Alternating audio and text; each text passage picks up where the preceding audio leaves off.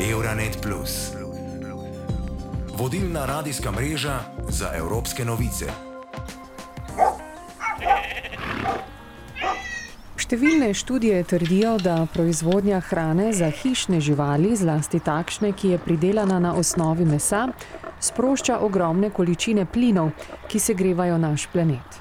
Glede na rezultate študije iz leta 2017, hranjenje psov in mačk vsako leto ustvari približno 64 milijonov ton oglikovega dioksida v Združenih državah Amerike. To je približno enako vpliv kot 13,6 milijona avtomobilov na cesti. Kot vsa živa bitja imajo tako tudi hišni ljubljenčki določen vpliv na okolje. Med temi, ki se zavedajo, kako pomembno je puščati čim manjši vpliv na okolje, je tudi mlada veterinarka Anja Završnik iz Muzirja, ki je skupaj z možem odprla prvo okolju prijazno trgovino za male živali v Sloveniji, Eko Brlog. Anja, zadnjih nekaj let se ogromno govori o tako imenovanem okoljskem odtisu človeka, k čemur okoli 60 odstotkov, kar je veliko, prispeva ogljični odtis.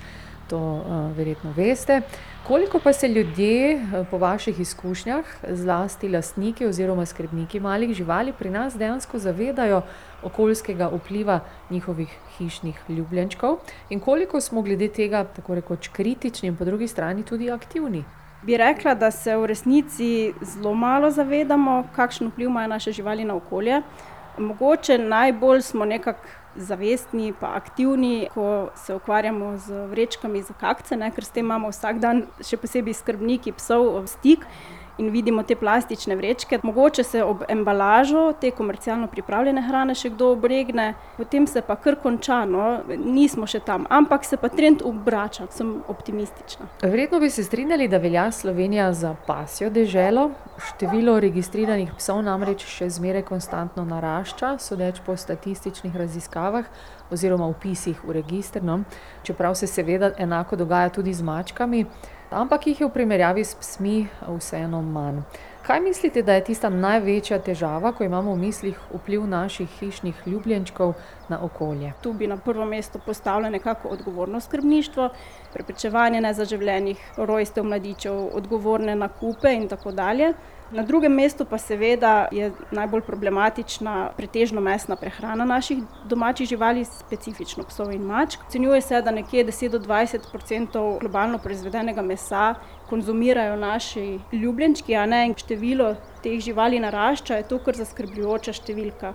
Pol imamo pa na drugi strani pa tiste skrbnike, ki so na drugem spektru, ne, ki pa zelo pretirano trošijo za svoje živali, tako da je to tak dvorezen meč. Iz česa v glavnem sestoji hrana za male živali, ki je na voljo povsod drugod v trgovinah?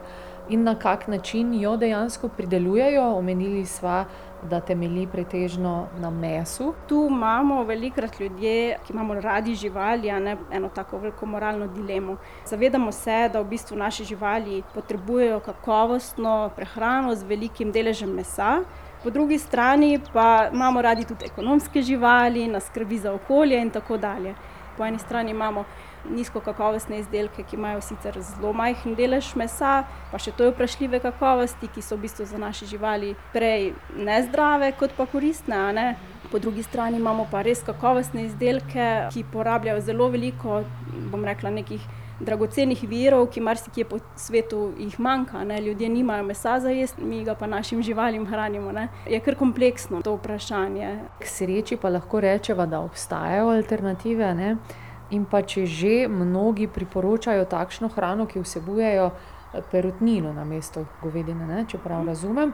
kako bi rekli, da je s tem pri nas? Ja, tudi pri nas se že pojavljajo alternativni viri beljakovin, to so na primer žuželke, a ne, ki so okolju in živalim prijaznejši vir beljakovin, ki so primerne tudi za mesojede živali. Na prvem mestu bi mogoče izpostavila hrano z bio sestavinami, a ne, ker ekološko kmetijstvo samo po sebi nima takšnega negativnega vpliva na okolje, v bistvu lahko ima celo reverzibilen vpliv. Kaj pa izdelki, vključno z opremo in pa igračami, kakšni so najbolj primerni tako z ekološkega kot pa zdravstvenega vidika, ko gre za naše hišne živali? Jaz vsem svetujem, no, da izbirajo naravne materiale, takšne, ki so iz obnovljivih virov, tudi tehnologija napreduje, da se da marsikaj zanimivega najti od bombaž, lan, konoplja, naravna guma. Ne. Še posebej za izdelke, ki prihajajo pa v stik s sluznicami, ne izdelke, ki so za žvečenje, igro, prenašanje. Ne. Ponavadi te nekakovostne cenene izdelke izdaja že sam von, tak kemični von. Zberemo vsaj izdelke, ki bodo čim bolj trajni, eni izdelki lahko trajajo celo življenje enega psa ali pa več psov, zmernost pa preudarnost. Po statističnih podatkih Evropske industrije hrane za hišne ljubljenčke iz leta 2021 ima v tem trenutku 90 milijonov gospodinstev, približno 46 odstotkov gospodinstev v Evropski uniji, hišnega ljubljenčka. To je 20 milijonov več kot pred desetletjem. Najbolj priljubljena izbira so mačke, sledijo jim psi. Bolgarska veterinarka dr. Mila Bobadova ugotavlja, da vrečke za pasje iztrebke, tudi če so pravilno odvržene, predstavljajo ogromne količine odpadkov, ki se jim je težko izogniti. Pravi, da kljub temu lahko previdnejša izbira vrečk igra vlogo pri zmanjševanju podnebnega odtisa naših psov. Аз не бих обвинила животното, тъй като много често няма много. Imamo več vrst vrečk za zbiranje pasjih iztrebkov. Nekatere so biorazgradljive, druge so narejene iz koruze in naj bi delovale kot gnojila, in potem so tukaj še plastične. Zelo pogosto se ljudje odločijo za plastične, ker so druge dražje. Tiste, ki služijo kot gnojila, so seveda najdražje. In ljudje ne želijo zapustiti svojega območja udobja.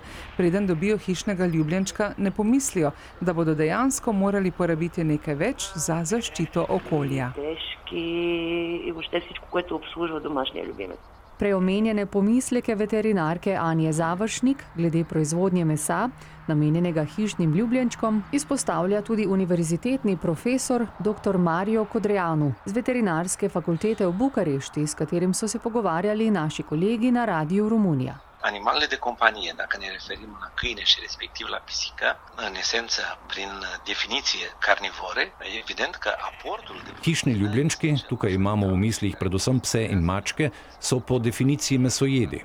Seveda je ključen vnos beljakovin. Beljakovine pogojujejo presnovo in pravilno delovanje prebavnega sistema in celotnega telesa, tako za psa kot za mačko. Takšno hranjenje z visoko energijsko vsebnostjo beljakovin bo povzročilo veliko več onesnaženja kot katerakoli druga hrana, naravna ali doma pridelana.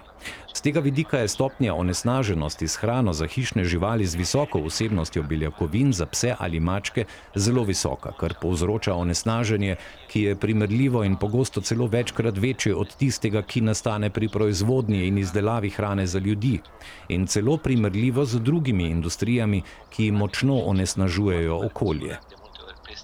generată de producerea și fabricarea hranei pentru om și chiar comparabilă cu alte industrii la fel de poluatoare. Še ena veterinarka, Tamara Ferrari, ki že 30 let skrbi za hrvaške živali, je novinarju Draženu Zimi zaupala, da bi morali izpodbijati mnenje, da psi in mačke potrebujejo rdeče meso, da so zdravi. Kada pričamo o psima i o mačkama, to je jedna ogromna količina hrane koja je bazirana na mesu, a svi znamo kako se troši... Ko govorimo o psih in mačkah, govorimo o ogromnih količinah mesne hrane in vsi vemo, koliko virov se porabi za pridelavo tovrstne hrane. Uporabljajo se velike površine zemlje, gozdove je treba požigati, da ustvarimo polja, na katerih bomo gojili hrano za krave ali perutnino, iz katere se bo potem proizvajalo meso. Perutnina je v tem primeru bolj ekonomična, ima boljšo rast, zato bi se morali obrniti k puranu in piščancu in stran od govedine.